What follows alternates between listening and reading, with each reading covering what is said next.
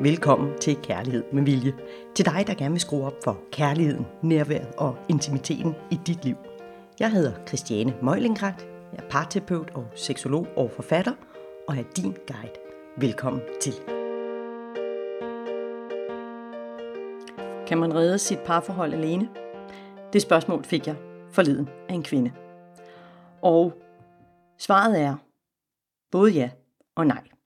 Det er jo sådan, at øh, vi kan jo ikke, øh, øh, for nogen vil jo synes desværre, det er måske nok rigtig godt i virkeligheden, kan vi jo ikke kontrollere og styre vores partner.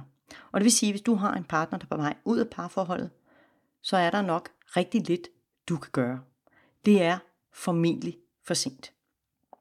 Så på den måde kan man sige, nej, man kan jo stå der og med alle sine talenter og herfra til juleaften, og så hvis vedkommende er med, på vej ud af døren og med ryggen til, så, så, så kan du ikke redde et parforhold alene. Det er fuldstændig rigtigt. Men der er en anden dimension, og den skal vi lige spole lidt tidligere til ind på det stadie, hvor der er en, der er på vej ud af døren.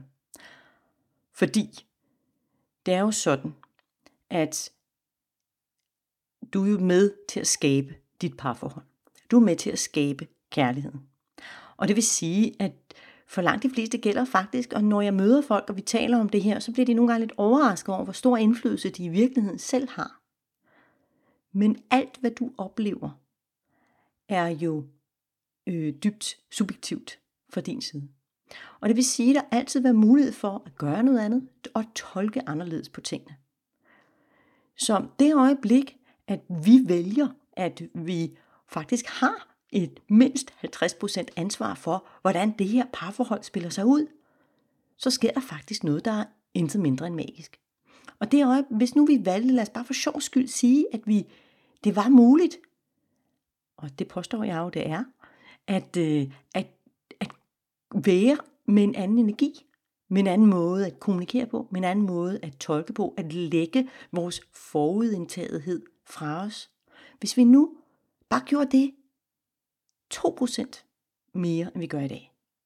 Eller 5% mere, end vi gør i dag. Hvis du gjorde det, 5% mere, end du gør i dag, hvad ville der måske i dit parforhold? Jeg møder jo ret tit mennesker, der øh, klager over, at det, det ikke rigtig går godt. Og øh, der er rigtig mange, der har tendens til, direkte eller indirekte, til at pege på partneren som værende den, der burde ændre sig, eller burde gøre nogle ting anderledes. Være mere opmærksom, mere nærværende, mere hjemme, give mere sex, øh, øh, tage imod berøringer, give berøringer, øh, give snakke, øh, give tage sig sammen, øh, løfte sig fra sofaen, være mindre kontrollerende, øh, øh, øh gøre sig lækker øh, for den anden, og så videre, og så videre, og så videre. Men faktum er, at det øjeblik, vi vælger at kritisere vores partner, så er det jo ligesom børnene lærer i skolen. Der er en finger, der peger udad, og tre, der peger tilbage. Så tommelfingerreglen her er, at, øh, at jeg kunne invitere dig med på en lille udfordring, en lille rejse der. Hver gang du har lyst til, undskyld, hver gang du har lyst til at sige, at det er også din partners skyld, eller om ikke din partner kunne ændre sig, eller kunne han eller hun ikke bare gøre det bedre, eller anderledes, eller forsvinde, eller være til stede, eller hvad det nu er, du klager over, for du godt kunne tænke dig, så vil jeg faktisk bede dig om at kigge på dig selv. Og en lille øvelse, der altid er interessant, og jeg indrømmer blankt, det kan jo godt være, at jeg har nævnt den i en af de andre små love hacks, og så må du tilgive mig. Øhm, det er jo, at øh, hvis vi nu øh, prøvede at sætte et lille videokamera op, man kan jo bruge sin telefon, bare sådan en time på en almindelig hverdag. Og det er jo selvfølgelig interessant at se det på sådan en, en time, en, den mest almindelige time på en almindelig hverdag. Altså, jeg tænker, at vi alle sammen har nogle rutiner, som vi går ind i en måde at være sammen på. Og så i virkeligheden gense det, lægge hånden hen over din partner, for det er ikke ham eller hende, du skal kigge på. Nu skal du kigge på dig selv. Og så kigge på, om du i virkeligheden er den kæreste, som du gerne vil være kæreste med. Og alene der ved jeg, at der er nogen, der tænker, den øvelse har jeg slet ikke lyst til at lave. Det kommer ikke til at ske her. Og det er så fint, fordi allerede der, der ved du godt, at der var noget, du kunne gøre anderledes. Du er allerede nu klar over, at måske er det ikke så nemt at elske dig uden betingelser. Måske er det ikke altid din partner, der kunne gøre noget anderledes. Så hvad handler så den her modstand på at rent faktisk gør noget anderledes? Ja, det er der en, en rigtig god forklaring på. Men faktisk og skal vi langt tilbage. Vi skal tilbage i vores barndom, hvor vi i de første år faktisk danner et selvbillede af, hvem vi er, hvilken berettigelse vi har her i livet, hvem vi må være, altså hvilke roller må vi indtage, hvad, hvad, hvad kan vi, hvad er vi skabt til, hvilken øhm, status har vi, vores selvværd, den slags. Og så skal vi vide, at jo ældre vi bliver, jo mere fasttømret bliver noget af det her. Det er som om, der gror nogle, nogle lag på, på, nogle forkalkede lag på, eller hvad vi vil, der gør, at jo ældre vi bliver, jo sværere er det faktisk at ændre noget af det her. Det er langt nemmere for unge mennesker. Og vide, at den her modstand mod forandring handler jo om, at så er vi faktisk tvunget til at ture at se os selv i øjnene. Også det, vi ikke er særlig stolte af. Også det, som måske skal være et opgør med, hvem vi tror, vi er. Og det kan være rigtig svært for vores ubevidste sind at kapere. Fordi vores ubevidste sind, og hvis vi går ind i vores reptilhjerne, som sidder helt inde i midten af hovedet, så har den jo til opgave, at vi overlever. Det er nærmest den eneste opgave, den har. Det er, at vi overlever. Og vi reproducerer os selv. Vi sikrer altså artens beståen. Det er ligesom det, reptilhjernen handler om. Og det nemmeste at overleve jo, når vi er et sted, hvor vi er trygge. Hvor vi kan, hvad vi kan navigere i. Og nu skal du se på tryghed som værende en relativt bred definition af noget. Fordi det kan sagtens være trygt at være et utrygt miljø, hvis det er det, vi er vokset op i, og det er det, vi kan navigere i, det er det, vi er vant til. Hvis vi så kommer ind i en familie, der er total harmoni, og hvor alle har det godt og er søde ved hinanden, så er det slet ikke sikkert, at vi kan holde ud at være der. Og det omvendte kan selvfølgelig også gøre sig gældende. Så tryghed er individuel, den er subjektiv. Hvad det er, der er trygt for os. Men vores reptilhjerne har et desperat ønske om at fastholde os der, hvor den kan navigere. Og det gælder altså også vores selvopfattelse. Det gælder også vores billede af os selv. Om hvad vi gåsøjne må eller kan tillade os. Og vi er op imod nogle ret stærke kræfter, fordi vores ubevidste sind ved jo mere om vores bevidste sind, eller end vores bevidste sind. Fordi vores bevidste sind ved kun det, vi er bevidste om. Vores ubevidste sind ved både det, vi er, der er ubevidst, og det, vi er bevidste om. Så vi er oppe imod nogle ret stærke overlevelsesdrifter her. Og når vi så tænker os til, at jeg vil gerne gøre noget anderledes, fordi vi godt kan rationalisere og se, hov, det kunne bringe mig derhen, hvor jeg gerne vil være i mit parforhold, så er det faktisk det, der hedder præfrontal cortex, som vi har gang i, som er, kan man sige, som er øh, frontalpandelappen, som gør, at vi kan tænke rationelt og, og reflektere og rationalisere og lave scenarier for ud i fremtiden og bla bla bla. Men vi hele tiden er der et eller andet, der hiver i håndbremsen og det er altså vores reptilhjerne. Så vi skal faktisk, for at kunne gå ind og ændre på noget, så skal vi være parate til at ture møde vores frygt. Og det skal vi faktisk kunne i rigtig mange ting. Det gælder også, når vi altså, ændrer vaner. Gå ned og træne, et eller andet. Vi har jo en bias mod øh, at beskytte os selv. Og øh, det er det, der er interessant ved at arbejde med sig selv. Fordi der er rigtig mange ting, du kan læse en bog om og tænke, ja, det lyder som godt, sådan gør jeg. Ja, det vil jeg gerne. Men så gør du det ikke. Det kan også være, at du tænker, jeg vil gerne tage 15 kilo, men det sker ikke. Fordi når det kommer til stykket, så er den hurtige belønning med øh, flødeskumskagen, fordi du er skide træt, den er, den er meget mere nærliggende. Fordi vi har en bias mod også at være, tage den nemme løsning, og det vi kender, og det vi føler på en eller anden måde, bringer noget ro ind i os. Og igen, det er subjektivt, så det, der bringer ro i en person, er ikke nødvendigvis det, der bringer ro i en anden. Men, hvis vi nu vender tilbage til parforholdet, og vi vender lige tilbage til det her, mit oprindelige spørgsmål, kan man redde et parforhold selv? Det er ikke sikkert, at du kan redde det, men du kan sørge med at gøre meget. Fordi et parforhold, det er ligesom en farvepalette. Hvis vi forestiller os, du er rød, og din partner er blå, og så bliver parforholdet jo et produkt af det, I to putter ind i det så bliver det til en farve lilla. Hvis du justerer på din måde at være i parforholdet, på den energi, du bringer ind, på den måde, du kommunikerer på, den måde, du agerer på, den måde, du måske holder op med at tage tingene personligt på, så har du måske ændret i den her øh, lille metafor, ændret farve til noget orange. og så vil orange og blå give en anden lille farve. Så altså produktet, resultatet, som I får ud af det, det vil være anderledes. Og det er derfor, jeg siger, ja, nogle gange kan vi faktisk godt redde parforholdet selv. Fordi hvis vi nu vælger at sige, det jeg savner, det er, det er noget nærvær, det er noget intimitet, det er, der er nogen, der gider at tage mig alvorligt, noget respekt. Hvad det nu måtte være. Og så er den første, der åbner for den pose. Den første, der rent faktisk tør sige, okay, selvom jeg har lyst til at trække mig, så bliver jeg lige her. Selvom der er lige sket noget, jeg har fået, min partner reagerer, og normalt vil jeg gå i sådan et øh, øh, øh, øh, øh, småsure mode, eller trække mig, eller blive fornærmet, eller tænke, du hvad, så kan en også passe sig selv. Så lader jeg være i dag. Så prøver jeg i dag noget andet. I dag laver jeg en strategi, der hedder, jeg vil alligevel stille mig op og være åben og sige, okay skat, det lyder som om, at du har haft en virkelig dårlig dag. Har du lyst til at fortælle mig om den? Eller, ej, jeg kan mærke, at jeg har så meget lyst til lige nu at skælde dig ud. Det vil jeg simpelthen lade være med, fordi jeg gider ikke være sådan en sur kælling længere. Det var bare to eksempler. Du kan sikkert godt selv finde på nogle flere, og jeg er sikker på, at du forstår, hvad jeg mener. Men det øjeblik, vi er villige til at satse og prøve noget andet. Og det er godt, at du skal prøve nogle forskellige ting, øh, før at det, du finder den der fede, fede opskrift, der virker for dig og for jer. Så gør du jo faktisk noget for jer. Så kan du faktisk godt redde et parforhold. Og det, der meget tit sker, det er jo, at når vi er villige til at satse noget, når vi er villige til at give noget, så er vores partner det også. Og igen, definitionen af at være villig til at give noget, den er jo subjektiv. Og jeg har rigtig mange, der kommer og siger, jeg gør en hel masse, men han gør ikke.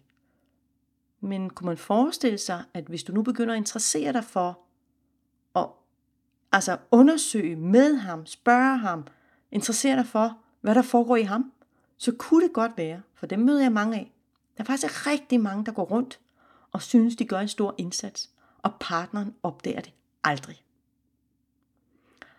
Og det gælder også, jeg har også rigtig mange kvinder, som kommer og siger, at jeg gør alt, og de har faktisk, altså i deres, de gør alt for andre mennesker, og har sat sig selv i sidste række. Og altså, altså deres egen nydelse skal det, er kun med synd og med dårlig samvittighed, fordi alle andres behov kommer først. Problemet er, at din kæreste er ikke nødvendigvis interesseret i, at du sætter hans behov først. Han er interesseret i, at du er glad og lykkelig.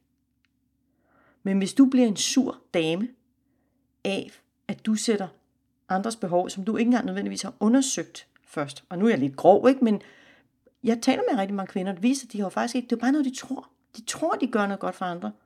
Og mens de udmatter sig selv og bliver selvopoffrende og til sidst faktisk bedre og føler, at verden er utaknemmelig, og de føler sig ensomme, og de står med det hele alene, så er der faktisk en mand, som står lidt uforstående ved siden af og føler mere, at han bliver kontrolleret, end at hun gør en hel masse kærlighed. Og det er jo i virkeligheden bare en misforståelse. Og hvor er det ærgerligt. Så når vi begynder at interessere os for, hvorfor er det, jeg reagerer, som jeg gør, kunne jeg prøve at gøre det lidt anderledes? Og hvorfor er det, du reagerer, som du gør? Og hvad foregår der inde i dig? Hvad handler det her om? Så åbner vi altså portene for noget sårbarhed, som jo oprindeligt er det, som kærligheden handler om. Det er jo, at vi kan rumme hinandens sårbarhed. At vi har tiltro til, at du kan rumme det, jeg kommer med, og jeg kan i hvert fald rumme det, du kommer med. Også selvom livet ikke altid er en dans på roser og lutter lavkage.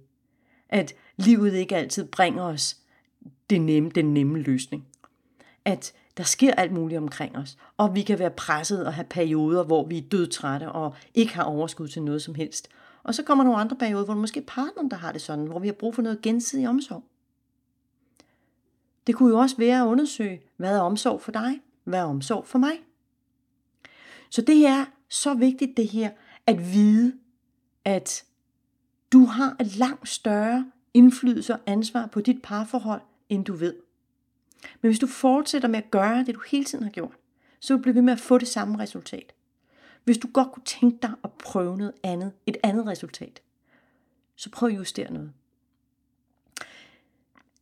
Og det, der er så vigtigt, det er at lade være med at sætte urealistiske mål.